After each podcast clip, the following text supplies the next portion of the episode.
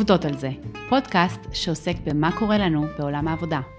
מקום העבודה מעסיק אותנו, אבל כבר מזמן תלוש המשכורת הוא לא הדבר היחיד שגורם לנו להיות שמחות. אז מה בעצם אנחנו צריכים כדי להרגיש צמיחה במקום העבודה? אני לאה גלבנד, מלווה אנשים במסע הקריירה שלהם. אני מאמינה שאנחנו כאן כדי לצמוח, ואיזו זירה טובה בשביל פעולה זו מאשר עולם העבודה שלנו. אני אפרת גבעתי, מאוהבת בארגונים ובסיפורי תעסוקה, חוקרת את התחום ומה קורה כשאדם פוגש ארגון וארגון פוגש אדם. מודעות, בחירה ותעוזה, אלו הדברים שיצרו מחדש את עולם העבודה של מחר. מזמינות אתכם לקחת את המושכות לידיים ולחשוב איתנו ביחד על עולם עבודה משמעותי ומאוזן יותר. אנחנו בתהליך של חיפוש. ואנחנו עובדות על זה.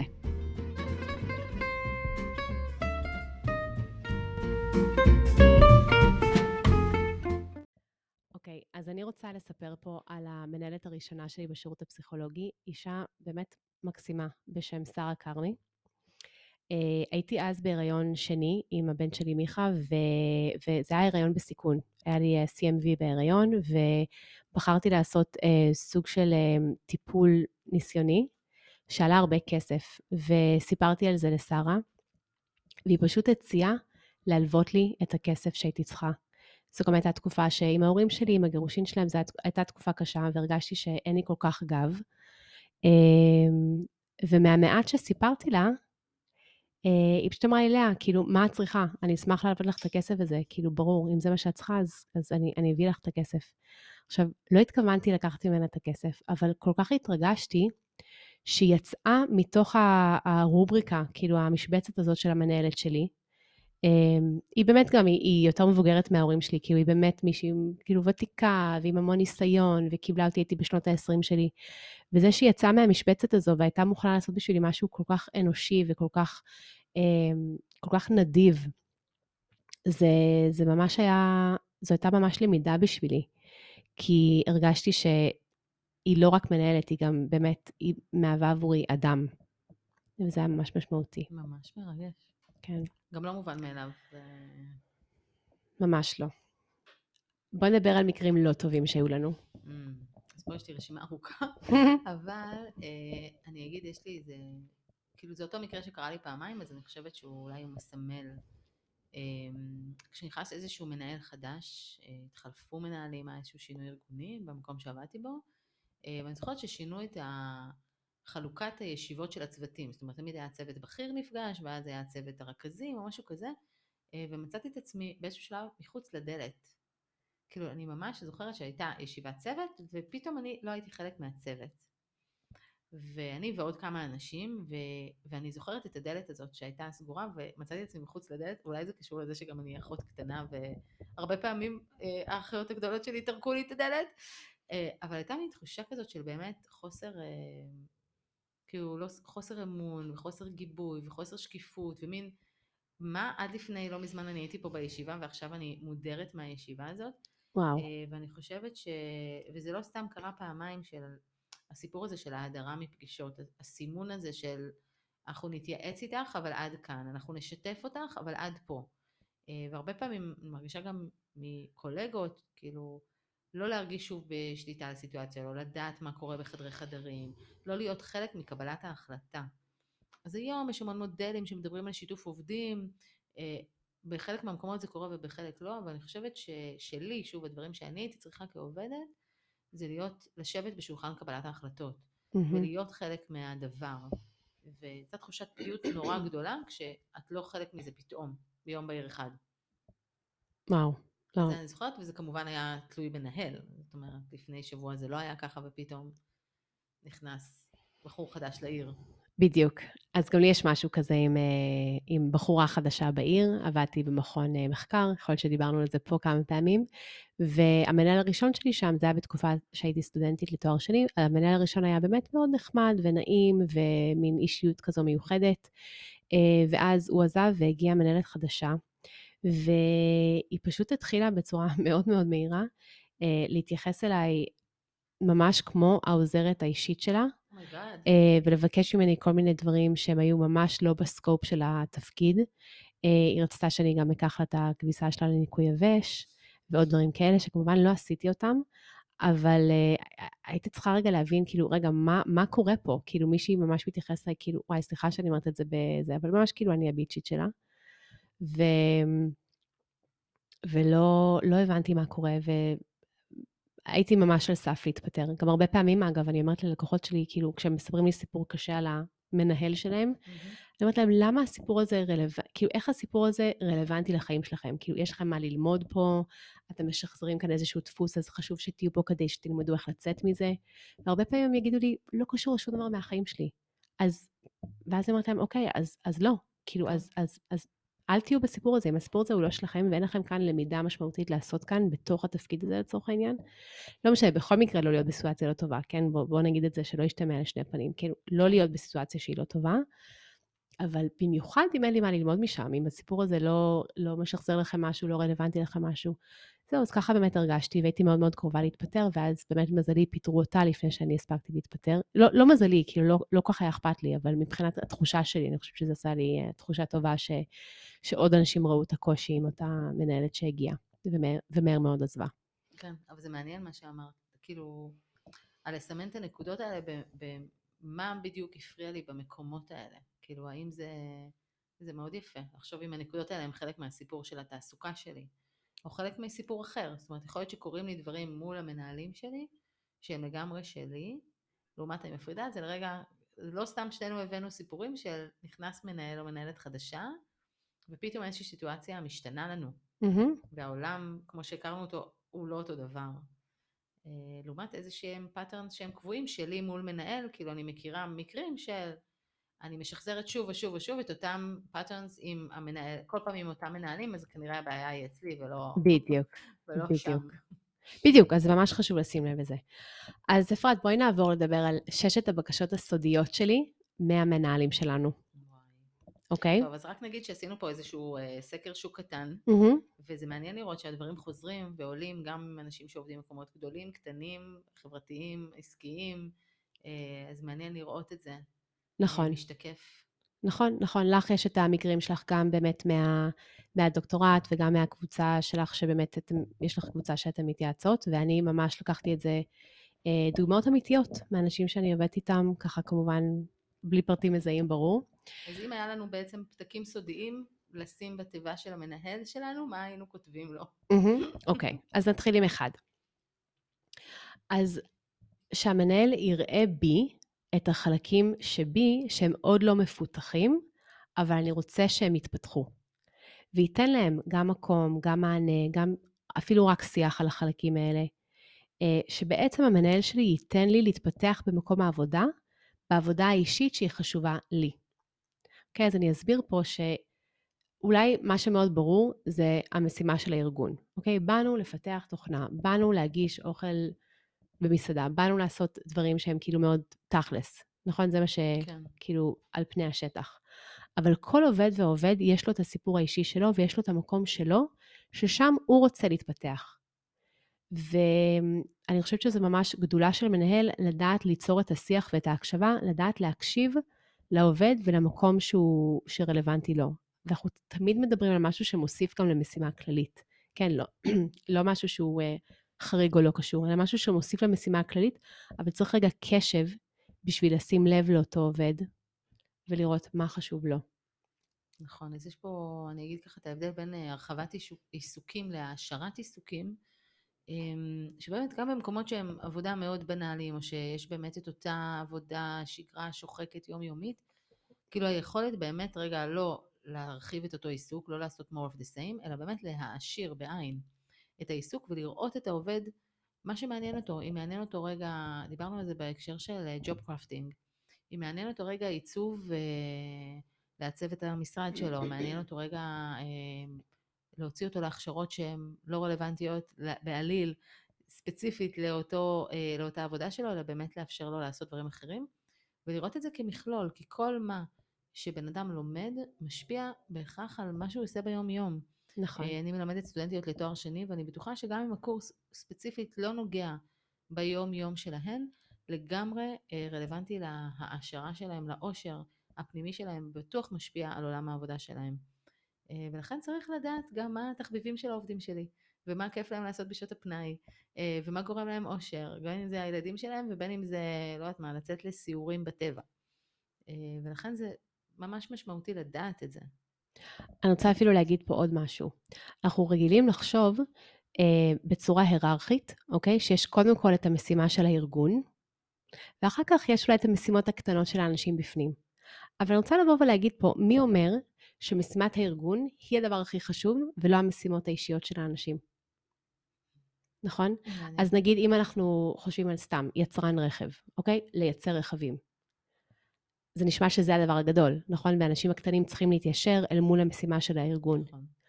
אבל אם אנחנו, אה, טוב, זה מין תרגיל אינטלקטואלי, צריכים לחשוב איך לעשות את זה, כן? אבל אם כן, אנחנו רגע שמים, שמים לב לכישורים של האנשים ולמה שמעניין אותם, ולרוח התקופה אפילו, כן? לערכים, לציידקייסט של התקופה, יכול להיות שאנחנו נגלה מתוך האנשים, אנחנו נגלה איזושהי משימה שהיא אחרת. מתוך מה שמעניין אותם, זה יכול להשפיע למעלה על המשימה הגדולה של הארגון. לגמרי, אז אני הרבה פעמים שואלת מה, איזה הון יש בחדר, זאת אומרת, יכול להיות הון אנושי, הון חברתי, הון תרבותי, כל ההונים האפשריים, ואני חוזרת כל הזמן גם לסטודנטיות וגם בהכשרות, יש פה כוח בחדר, אתן יודעות, אתן יכולות, אתן, כאילו יש משהו שכל אחת מביאה איתה שהוא מיוחד, והוא ספציפית למה שקורה כאן, ואני חושבת שה, שככל שנשאל את זה שוב, את העובדים שלנו ואת העובדות שלנו, אנחנו נמצא כישורים שלא ידענו עליהם, נגלה פתאום יכולות, אה, ואם נדע להפעיל את זה במרכאות לטובת הארגון, אז גם העובד פתאום ימצב את עצמו אחרת בארגון, פתאום הוא יוביל אה, טיול צוות. בדיוק, הוא... העובד, העובד ימצב את עצמו אחרת, אבל גם הארגון ישתנה. נכון. מתוך זה שאנשים יהיו יותר פעילים, יותר מלאים, יותר שלמים, גם הארגון ישתנה והכיוון שלו גם ישתנה ויקבל צורה שאולי אנחנו אפילו לא יודעים מה היא יכולה להיות, במיוחד בעולם כזה שמשתנה ואנחנו מרגישים את זה. נכון, אז אני רק אגיד, אפרופו הסודיות של הבקשות, שלא סתם מנהלים לא עושים את זה. יש משהו בדבר הזה שהוא מפחיד. זאת אומרת, מאוד. להתחיל אה, לשאול את העובדים שלי במה הם טובים, אה, גם יכול לאיים עליי רגע, אולי הם יותר טובים ממני במשהו, אה, גם יכול להיות שאני לא יודע מה לעשות עם זה, וזה גם בסדר. זה גם בסדר להגיד, אוקיי, יש לעובד שלי מלא מלא כישורים, אני לא, את כל הכישורים יכול לתת להם מענה, והמון אספירציות והמון חש... חלומות, והוא רוצה להתקדם, והוא רוצה שכר. אני לא חייבת לתת לו את כל הדברים האלה שהוא רוצה, אבל אני לפחות צריכה לדעת, אני צריכה גם לדעת להקשיב לזה. Mm-hmm, נכון, ואנחנו נדבר בסוף באמת על העניין הזה של, אה, של אולי קנאה ואיך להתמודד איתו.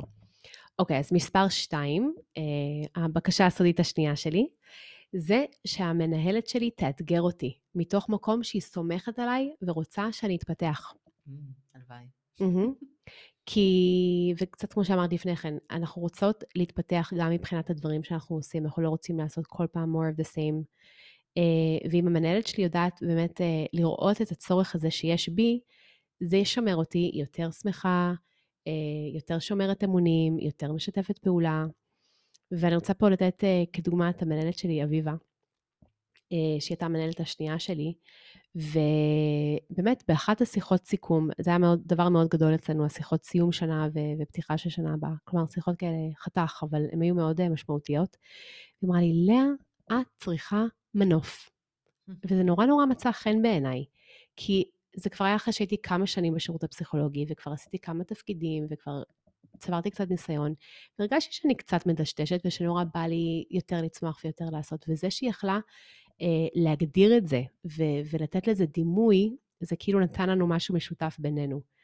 אה, ו- ובעצם היא ראתה בי איזשהו אתגר שאני רציתי שיראו בי, שזה קצת הסוד, הבקשה הראשונה. אז זה היה מאוד מאוד יפה. אה, ואני חושבת שיש עובדים שלא מודעים לזה, אבל הם באמת צריכים אתגר. זאת אומרת, הרבה פעמים כשאני פוגשת אנשים, אה, כמו שאת מתארת, נקודה של איזושהי מיצוי, איזושהי חזרתיות, אני חושבת שהמקום הזה אה, מיצה את עצמו עבורי. אני לא יכולה לבוא ולהגיד למנהל שלי, תשמע, מיציתי. אה, הרי כאילו זה לא, לא משהו שאנחנו באים ואומרים, יש תחושה, זה ברור לפעמים, לפעמים אנחנו רואים את השחיקה ואת החוסר מוטיבציה, אה, והרבה פעמים מחפש אתגר. עכשיו לפעמים המנהלים לא יודעים, הם לא יודעים להמציא לנו את האתגר, אולי בתוך הארגון אין אתגר כזה. אני חייבת גם בתור עובדת פה לקחת טיפה אחריות ולהגיד, איפה תאתגרו אותי, איפה קשה לי, איפה, מה, מה לא עובד לי טוב, איפה הדברים שאני פחות טובה בהם, והייתי רוצה ששמה, לשם אני רוצה לקפוץ, לבריכה הזאת אני רוצה, תנו לי לקפוץ אליה על המים, זה דורש הרבה אומץ, שוב, של שני הצדדים. לגמרי, נכון, גם של העובדת עצמה, ואני עכשיו חושבת באמת בראש על אחת הלקוחות, באמת, באמת זה דורש אומץ אה, לבוא ולשים את הדברים על השולחן, ול, ולעשות את זה ראשונה, כי, כי כמה אפשר לחכות שהמנהל יבוא ויגיד לי את זה, ובאמת גם אומץ מצד המנהל, כי זה ללכת נגד הזרם הטבעי שלו, כי אם העובד הוא עובד טוב, הוא בעצם ממלא משבצת, הוא ממלא פונקציה, ולחשוב על האתגר שלו בעצם אומר שזה... יעשה כזה shake things up, כאילו זה יטלטל בעצם את כל המקום הארגוני, וזאת לא תנועה טבעית של המנהל.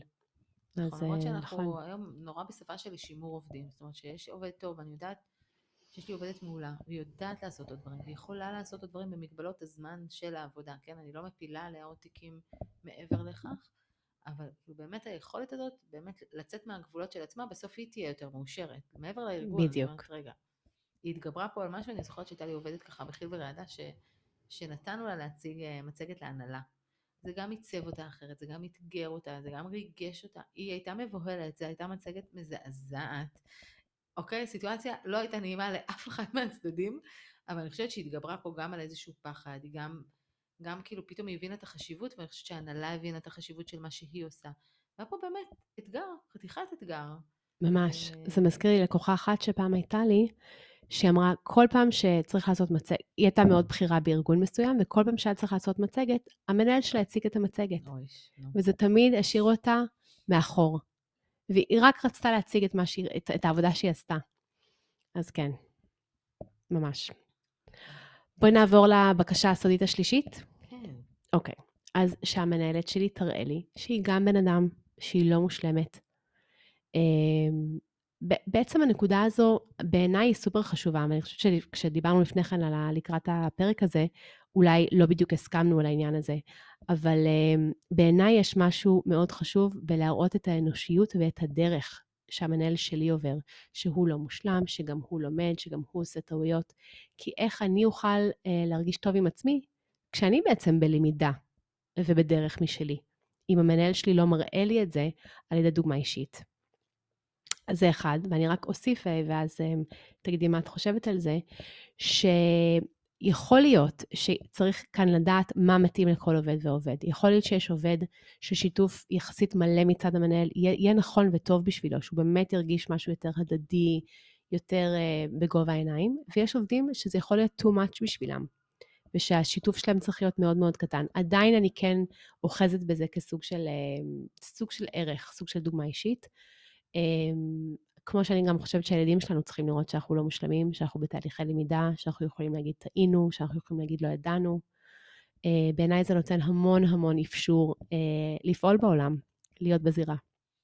זה, זה נוגע במובן של ההדדיות פה, כאילו, הרבה פעמים שאנחנו, המערכת יחסים הזאת בין המנהל למנוהל, כאילו אנחנו מצפים שיהיה פה איזה, הדדיות, ואני כל פעם מחזירה אותנו למקום של זה היררכיה, יש פה גבולות, אני לא יכולה לתת לעובדים שלי לפנטז על דברים שבסוף אני לא יכולה לספק אותם. אני כל פעם אה, אשמיע את הקול הזה. אמ, ואחד הדברים ש... שאני כעובדת הייתי רוצה, שהמנהל יפתור לי את הבעיות. כן, אני באה למנהל שלי, יושבת איתו, יש שוטף, על, על המשימות השבועיות, החודשיות שלנו, ואני מצפה ממנו שבמקומות שלי קשה, שייתן לי איזושהי עזרה, איזושהי תמיכה, שיפתח לי את הדלת, שיפתור את הפלונטר. וצריך מאוד מאוד להבין מהי אותה מערכת יחסים. זאת אומרת, מה אני באמת צריכה מהמנהל שלי, מה הוא צריך ממני, האם הוא צריך רק איזשהו דיווח על משימות שנעשו וצ'ק צ'ק צ'ק ואיזשהו עדכון, זאת אומרת יש הרבה פעמים שישיבות השוטף בין המנהל למנוהל הן ישיבות עדכון, אני מעדכנת מה עשיתי, אני מיידעת אותו על מה קורה, הרבה פעמים מנהלים מנותקים מהשטח והם לא יודעים מה קורה, אז שיחות עדכון ויידוע, ולפעמים זה הרבה מעבר, לפעמים אני באה עם קשיים, ואז יגידו חלק מהעובדים, אני מצפה שהמנהל שלי ינהל, הוא ינהל את הקשיים האלה, הוא יפתור את הפלונטרים האלה בתוך המערכת, וכשזה לא קורה זה מאוד מאוד מתסכל. עכשיו כשאת באה ואומרת אה, תשתף אותי בקשיים, וואלה, אולי לא בא לי עכשיו לדעת את הקשיים שיש לך מההנהלה שלך, מאלה שמנהלים אותך, מהמקום הארגוני שלך בתוך הארגון, יש פה משהו מאוד אה, tricky ומסוכן בחשיפת חולשות של מנהל. א', אני חושבת שהעובדים יודעים. זאת אומרת, העובדים יודעים אם המנהל שלהם הוא חלש, או הוא עצמו מתוסכל, הוא בעצמו נמצא באיזשהו אה, פלונטר, אה, וגם בסוף אני רוצה, באמת אם אני בן אדם מאוד תכליתי, אני רוצה שבאמת הדבר הזה ייפתר ושהבן אדם שיושב מולי יעשה את הכל אה, בשביל לפתור את הדבר הזה. אה, אז לפעמים בראייה של החולשות, הייתי שמה על זה סימן שאלה, סימן קריאה. אני לא יודעת אם אני בתור מנהלת הייתי רוצה אה, להגיע למקום כזה מול העובד שלי, אה, וכן להגיד לו, תשמע, אתה לא הצלחת לפתור את זה, גם אני לא הצלחתי לפתור את זה. כאילו, אלה החיים, זה הארגון.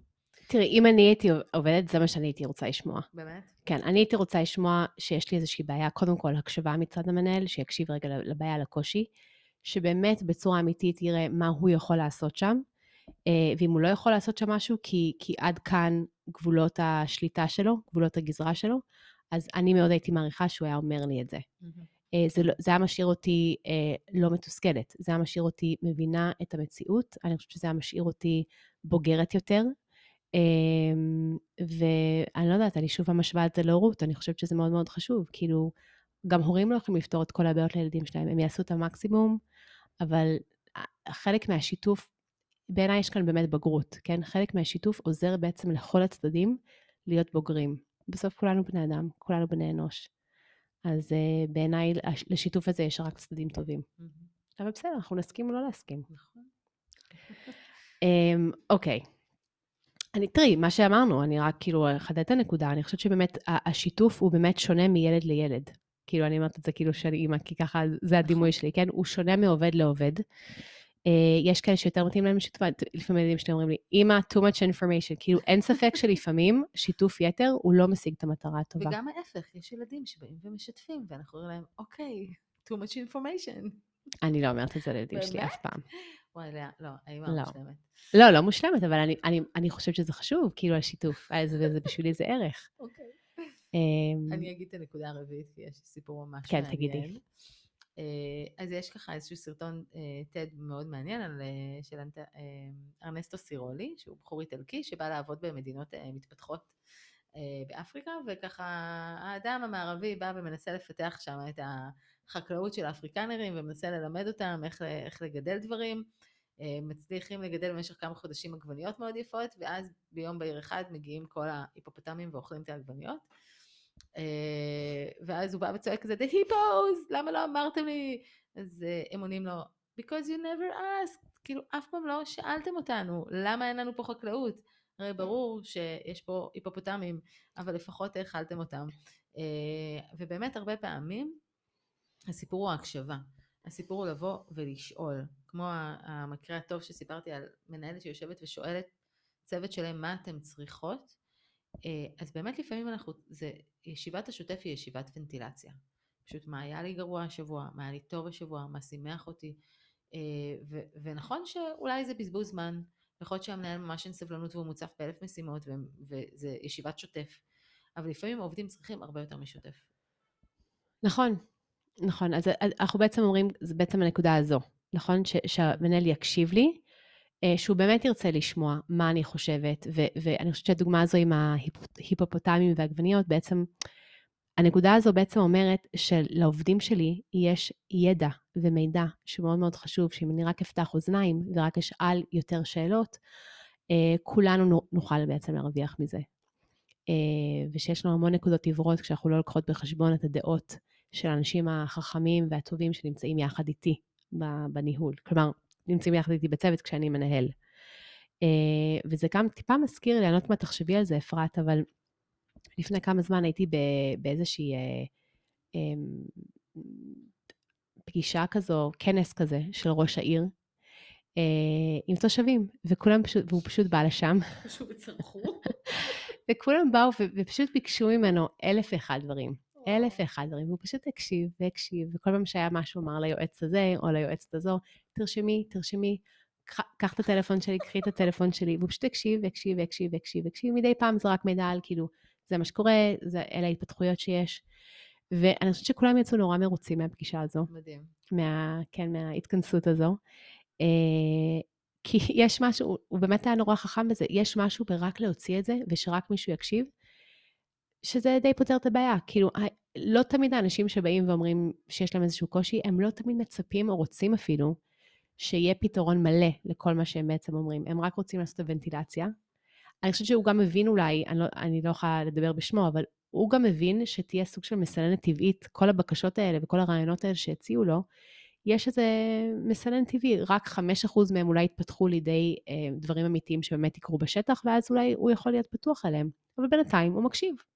ואז כולם מרוצים, ואז יש לו יותר אה, בוחרים עתידיים. נכון, וזה מקסים. באמת גאוני. אני באמת באמת חושבת שאפילו בתור, אה, כמי שראיינה אנשים לדוקטורט, הרבה פעמים אמרתי, אפרת, תסתמי. כאילו, ממש דיברתי על עצמי. אפרת, זה הזמן שלך לשתוק, פשוט לא, רק להקשיב, רק להקשיב, רק, זה ממש לא רלוונטי מה תגידי, איך תגיבי. אה, והרבה פעמים, הלוואי והייתי מאמצת את זה גם בתור מנהלת, אבל הרבה פעמים באמת התפקיד הוא להיות אוזן. גם אם טיפה איבדתי קשב זה בסדר, אבל באמת להיות אוזן, להיות המקום הזה שהוא לא רק משימתי. דיברנו הרבה על ציר יחסים וציר משימה, אבל זה לא רק משימות, ואחרי המשימות, או לפני המשימות עדיף, כדאי באמת לפתוח ישיבה ב... במה שלומך, ואיך הולך לך כאן, ואיך אתה מרגיש בצוות, ואיך אתה מרגיש עם המשימה החדשה ש... ואני אומרת, אני הייתי במיליון אלף פגישות עבודה, לא תמיד שואלים את השאלה הזאת, אם ב-99% מהמקומות לא שואלים אותה. אה, ואם אני כן מצליחה למצוא ולפתח מערכת יחסים כזאת, זה נפלא. זאת אומרת, אני חושבת שהטיפים האלה מאוד מאוד חשובים גם למנוהלים וגם למנהלים עצמם. ממש לכולם. הייתה לנו uh, בשירות הפסיכולוגי, פסיכולוגי um, הייתה השתלמות um, על נושא של אבחונים, אבל כל המפגש הראשון עסק במה שהמורה כינתה חוויית המוקשבות. מוקשבות? מוקשבות. מה זה אומר? זאת אומרת, והיא ביקשה מאיתנו להיזכר בחוויה שבה הרגשנו שמקשיבים לנו. הרגשנו מוקשבים. מוקשבים. כן. ו-. ולשים את זה בפרונט, ש- שבעצם ככה התחיל כל השיעור על דיאגנוסטיקה ואבחונים, שזה באמת נושא די כבד, ו- ואחד באמת מהלחם וחמאה של הפסיכולוגים החינוכיים, כן, העניין של האבחונים. אמ, להתחיל את זה ברגע, מה זה חוויה של, ש- שמקשיבים לי. וואו. כן, ושזה באמת א', ב' גם באבחון. כאילו נכון. להקשיב קודם כל. אה, והמון להקשיב בעצם. אז אה, מאוד מאוד חשוב, ולדעתי כולנו יכולים ללמוד לעשות את זה יותר, וגם אני הרבה פעמים עם הלקוחות שלי, לאה, תסתמי, תשתקי, תסתמי, תקשיבי. כי באופן טבעי נורא בא לי להגיד את דעתי. כן, אבל- נכון. ואני חושבת שאצל מלנים עוד יותר, כי יש מין את ה... כאילו, אני באה לידע, אני באה לשליטה, אני, אני באה לפה לתת פתרונות, ולא תמיד, באמת לפעמים, באמת, shut up and listen. ואני אגיד גם על ניהול הסטינג של רגע פגישת העבודה הזאת. זאת אומרת, גם פגישת עבודה יכולה להיות פגישת הקשבה. אפשר אפילו לשנות לה את השם ולהגיד במקום שוטף זה מין שוטף חגיגי, שוטף מיוחד, פגישה אישית שהיא לא אה, יחסנו לאן, אלא באמת רגע, אני סוגר את הדלת, זה זמן איכות, לא נכנסים לי 200 אלף איש בזמן הפגישה, אני לא עונה לשיחות בזמן הזה, אני לא עושה וואטסאפים בזמן הזה. באמת לעשות setting שמאפשר הקשבה. זאת אומרת, מה יהיה לי הכי טוב? זה בית קפה? זה לשבת בכורסאות? לא משנה מה, לייצר setting שגם לי כמנהלת מנקה לי הסחות. לגמרי. פלוס אחד, פלוס פלוס פלוס על הנקודה שאת אומרת. אני ממש מסכימה שה setting זה, זה, לא יודעת, אפילו 70% מהסיפור לצורך העניין. כי אם אנחנו נכניס את עצמנו ל setting הנכון, החוויה המיוחדת הזאת תוכל לקרות. אה, ממש, כן, בדיוק אה, מישהו סיפר לי על חוויה שלו ממנהל, שהמנהל כל הזמן קובע פגישות, ומבטל. ולא, והוא כל הזמן בעצם נמצא בטלפון ועושה דברים אחרים תוך כדי הפגישה. אז אה, כן, אז בואו בוא נדבר רגע על איכות ולא על כמות, ו- ובאמת, אה, מה זה הקשבה, נכון? זה ממש נוכחות, זה, זה כל ה-new age הזה שהוא כל כך חשוב. כן. זה להביא את עצמנו ממש לאותו רגע, כי זה, זה, זה לא קל לאף אחד מאיתנו לעשות את זה, אבל מאוד מאוד כדאי לעשות את זה. אוקיי, נקודה אה, רביעית. אוקיי, סליחה, נקודה חמישית. זה בעצם הבקשה הסודית החמישית, שישתפו אותי בכמה שיותר מידע ויסמכו עליי שהמידע הזה יעזור לי לא לבזבז את האנרגיות שלי, לא להרגיש קטנה, ושיסמכו עליי שאני אדע לעשות שימוש טוב ונכון במידע הזה. תראי, אפרת, כל העניין הזה של מידור של ידע בתוך ארגון, זה אחד הדברים שהם הם הכי, אני חושבת, כואבים בתוך ארגון. Uh, מצד אחד, אני יכולה להבין שלא כל מידע הוא נועד לכל אחד, אבל העובדים שבאמת עושים את מלאכתם נאמנה, אנשים שעובדים משרה מלאה וממש עושים המון המון שעות בעבודה, כשהם לא מקבלים את המידע שהם צריכים, והם כל הזמן צריכים כאילו ללקט uh, ולהרגיש, uh, תחשבו אפילו על ה... נכון, תחשבי אפילו על הפועל הזה, על הפעולה הזו, ללקט ולבקש ולדרוש ולהתחנן שיגידו לי, לה, להתחנן להבין את כל הסיפור. זה, זו פוזיציה מאוד מאוד מאוד קשה להיות בה, וזה משהו שמאוד קל למנהל אה, סוג של להתעלל, או סוג של כאילו, לא אגיד להתעלל, סוג של אה, שליטה, למדר. כאילו, כן, למדר, אבל כאילו זה בעצם, אה, זו דרך קלה בשבילו להשיג שליטה. נכון. נכון? זה, זה כאילו, זה, זה ה-easy way להשיג שליטה. לפעמים זה מאוד מאוד. קשה. נכון, לפעמים זה לויאליות למנהלים היותר בכירים. זאת אומרת, להגיד, אני לא יכול לחשוף מה היה בישיבות הנהלה, ואני, כאילו באמת איזושהי לויאליות למערכת, הרבה פעמים, ששמה, אגב, אני מתייחסת רגע למנהלים בדרגי ביניים, זה לא פשוט. זה לא פשוט להיות במקום הזה של אני צריכה לעודד מוטיבציה בצוות, אני צריכה להגיד להם, לכו תקוששו מידע. לא תמיד לי יש את המידע הזה, ולא תמיד הארגון יכול. אז אני לרגע בנהלי הארגון, מה שלא קורה לי בדרך כלל, אבל להגיד, זה מורכב. זה לא כזה פשוט. את חושבת שאפשר להפריד בין, אה, נגיד, שמירה על סודיות של נגיד מנהלים בכירים ודברים שהם יותר אישיים, לבין אה, ידע של תוכן, כאילו התוכן בו אני עובדת. אה, בין אם אני עובדת קהילה, בין אם אני עורכת דין. לא, יש לחצים ארגוניים, יש לחצים פוליטיים לדוגמה. אה, יש לחצים, אני חושבת רגע, לחצים תקציביים, שאני יודעת עכשיו שלא, אני צריכה לקצץ לעובד הזה במשרה ושכר, ואני יודעת שהתקציב לא ודאי ולא בטוח יגיע. אה, אני יודעת שהפרויקט שלי, זה ממש מקרה חי, הפרויקט בעדיפות נמוכה, אוקיי? ולא סתם ממדרים אותם, או לא מעבירים להם תקציבים, או לא, הם לא אלה שעושים את המצגות. בחשיבות הארגונית, הפרויקט הזה נמצא בעדיפות נמוכה. עכשיו, אני מנהלת את הצוות, אני חייבת לעודד אצלם מוטיבציה, שהם נו, אבל להגיד. את זה, להגיד כרגע הפרויקט שלנו בעדיפות נמוכה מבחינה ארגונית? אבל עדיף לא להגיד את זה. בוא נחשוב. על המחירים של כל דבר ודבר. אני הייתי רוצה לדעת, כרגע הפרויקט שלנו בעדיפות נמוכה, בוא נחשוב איך אנחנו בונות את עצמנו, איך אנחנו עושות סדר במשרד, איך אנחנו עושות יום כיף, מאשר לגרום לי, כאילו בעיניי זו התחושה הכי קשה, כן? ש, שלא, אומרים, שלא מספרים לי משהו, ואני עובדת, ואז בסוף מרגישה שזה לחינם, או ש...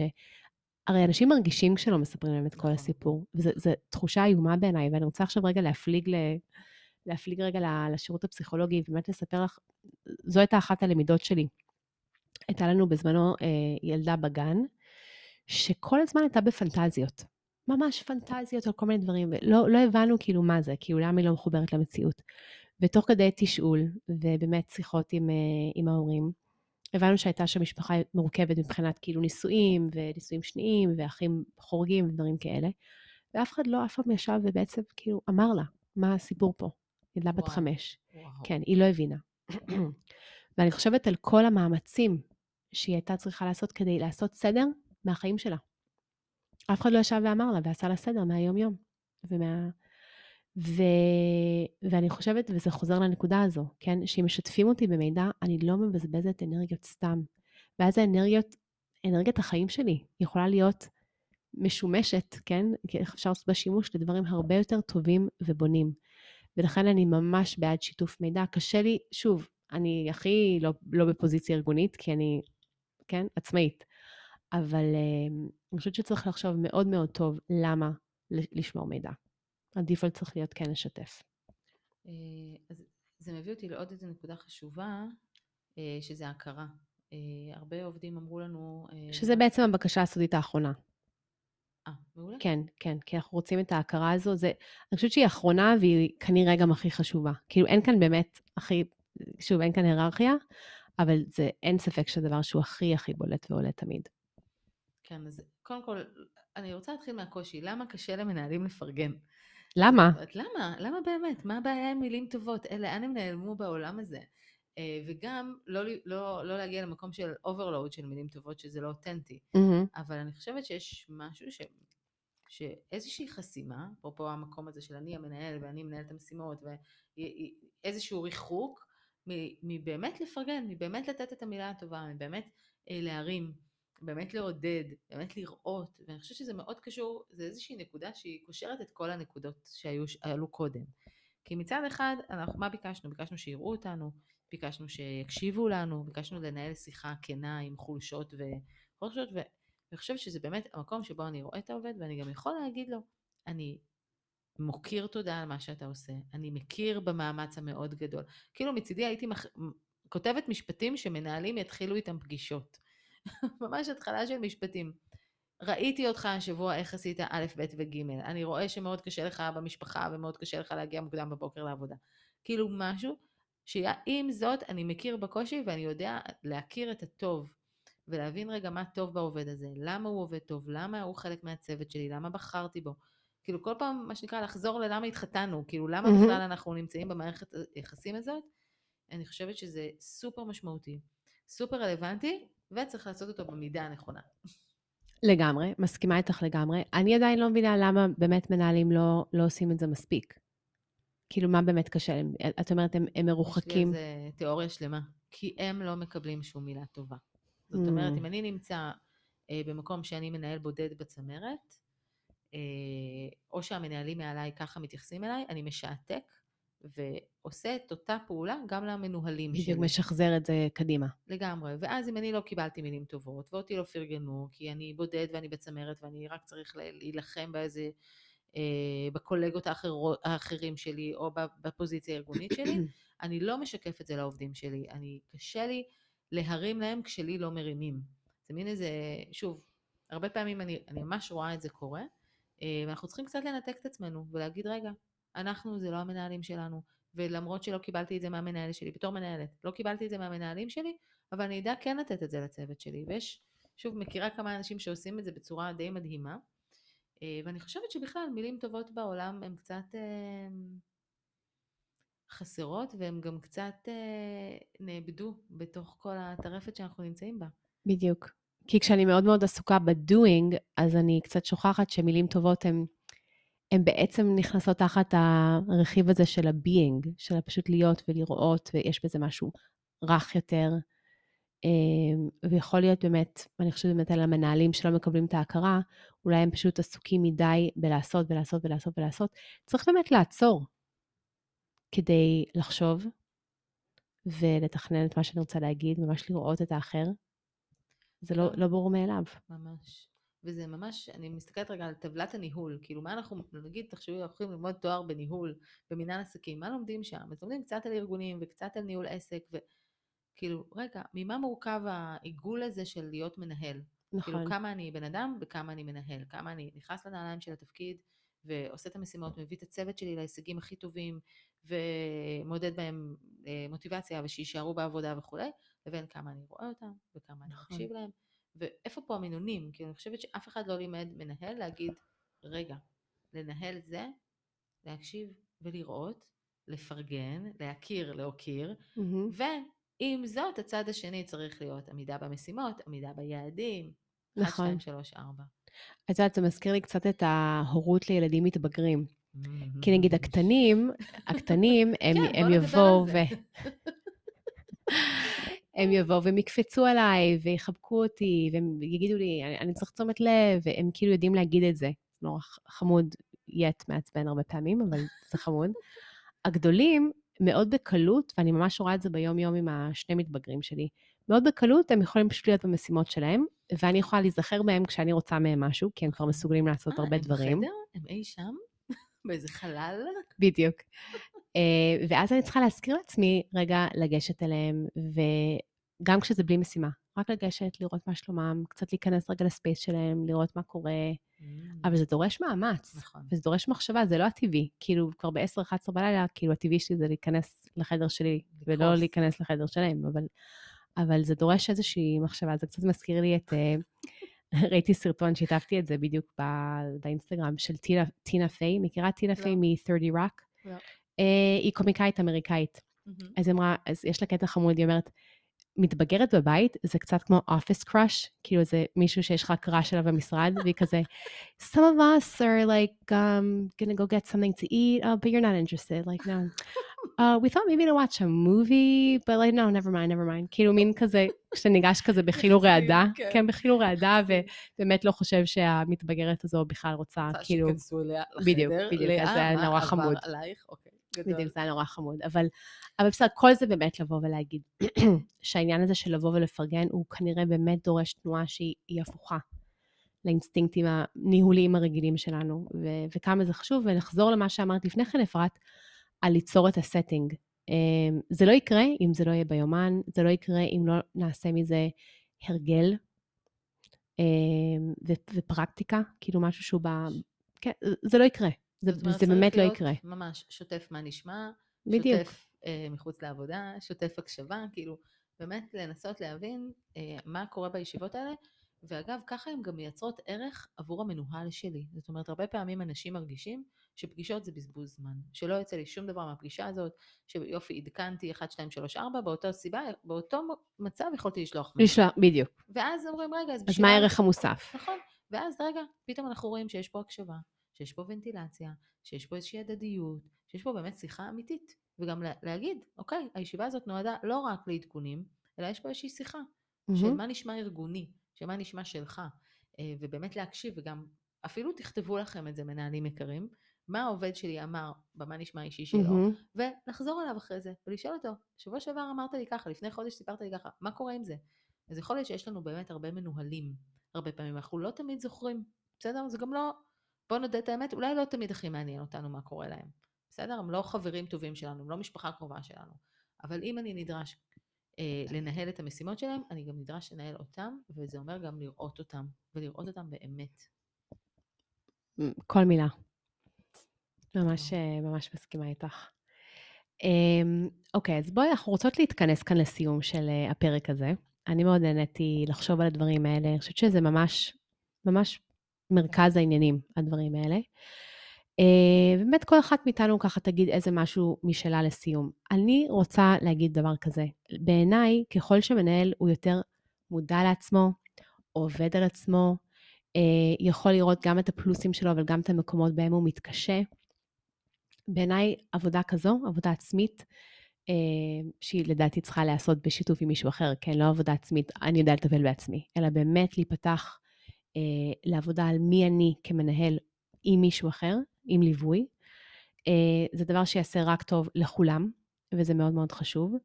אה, התחלנו להגיד לפני כן שיכולים להיות מצבים שבהם אני מרגיש מאוים על ידי העובדים שלי.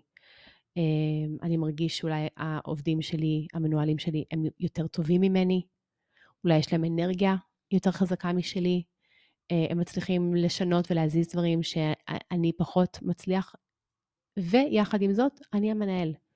ויש כאן הרבה מחשבה על רגע, מה הפוזיציה שלי, מה, מה הערך המוסף שלי כמנהל. כי כשמישהו הופך להיות מנהל, זה כבר לא שאלה של האם הוא האיש מקצוע הכי הכי מדהים. זה כבר שאלה של איך הוא, אני מדמה את זה למנצח על תזמורת. אה, הוא מנצח, זה אומר שהתפקיד שלו זה לוודא שכל כלי וכלי יקבל את ה...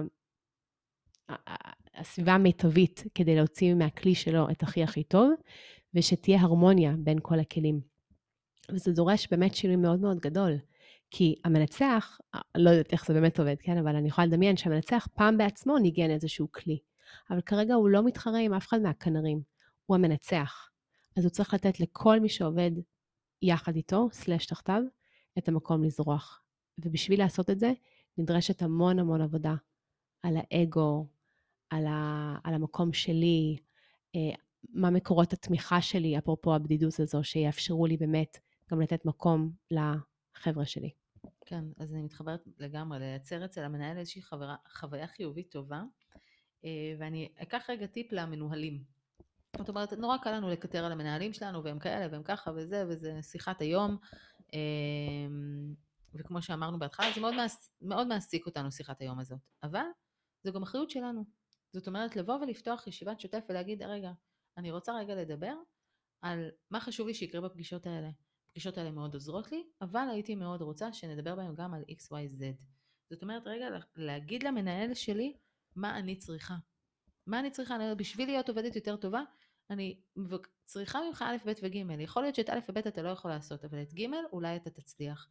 זה דורש אומץ, זה דורש כנות, זה דורש איזושהי מחשבה מקדימה, אבל אני אשתמש בדימוי שלך להחזיר לעצמי את המושכות, נכון? מהמם, לאה? מהמם, מהמם. אוקיי, אז להגיד, רגע, אם אני רוצה את זה, אז במקום לשבת ולקטר על זה בבית קפה עם החברות שלי, וזו שיחה נורא נורא כיפית, לא מחליפה שום דבר, נכון. אה, להגיד, רגע, אני כמנהלת, אני אגיד, אני אפרת כמנהלת, הייתי מאוד שמחה אם העובדים שלי היו באים אליי, ובאמת אומרים, רגע, השיחות האלה אולי הן טובות לי, פחות טובות לי, אני יותר רוצה שיחת אה, משימות, אני יותר רוצה שתפתרי לי בעיות, או אני יותר רוצה שתראי אותי ותקשיבי לי, ו...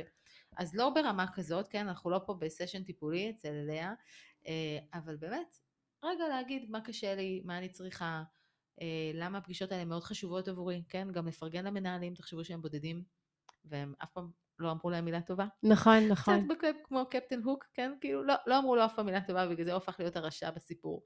כאילו, תפרגנו להם, תגידו להם מילה טובה, ואולי זה יפתח איזשהו פרץ של מילים טובות. אני מתה על זה. שתדעי שזה בדיוק מה שאני אומרת ללקוחות שלי, כשהם רוצים להגיד משהו למנהלים, אני אומרת להם, תתחילו עם מילה טובה למנהל. כן, תתחילו עם מילה טובה. אה, תתחילו להגיד משהו גם על המנהל וגם על הארגון ועל המקום שלכם בו, אבל לא רק אתם. כאילו, כן. להגיד משהו גם באופן כללי, באופן שככה רואה רחב ורואה את המנהל, ואז משם תזרמו למה שאתם צריכים ולאג'נדה הספציפית שלכם. כן. גם אם זה אגב תוספת שכר, זאת אומרת, לגמרי. אני, השיחות הרי הקשות עם המנהלים זה על שכר ועל עודף משימות, ו, ולהגיד, רגע, אני יודע שגם אתה אולי בעומס, ואני רואה את זה שאתה רץ ממקום למקום, כאילו באמת באמת לראות שנייה שזה יהיה הדדי. ב- אנחנו רוצים בדיוק. מערכת יחסים הדדית. בדיוק, זה בדיוק יצירת ההדדיות הזו, ולא רק לבוא מתוך מקום של אני צריך, אני צריך, אני צריך. כן. כאילו, גם לילדים אני אומרת לפעמים, אתם רוצים משהו יפה, תגידו לי גם מילה טובה. אבל אני, לא, אני, אני לא באמת אומרת להם את זה ביום-יום, אבל אבל אני, אני רוצה. שהם יבינו איך הדברים האלה עובדים. נכון. אמ, שזה, שזה הדדיות, אתה נותן, אתה מקבל, אתה נותן, אתה מקבל, ואם המנהל לא, לא יודע מספיק לייצר את זה, אז אתה תייצר את זה, בדיוק כמו שאת אמרת. נכון. זה חלק מהגדילה, גם שלנו. לגמרי. כפרטים, כעובדים. וואי, לאה, איזה כיף היה.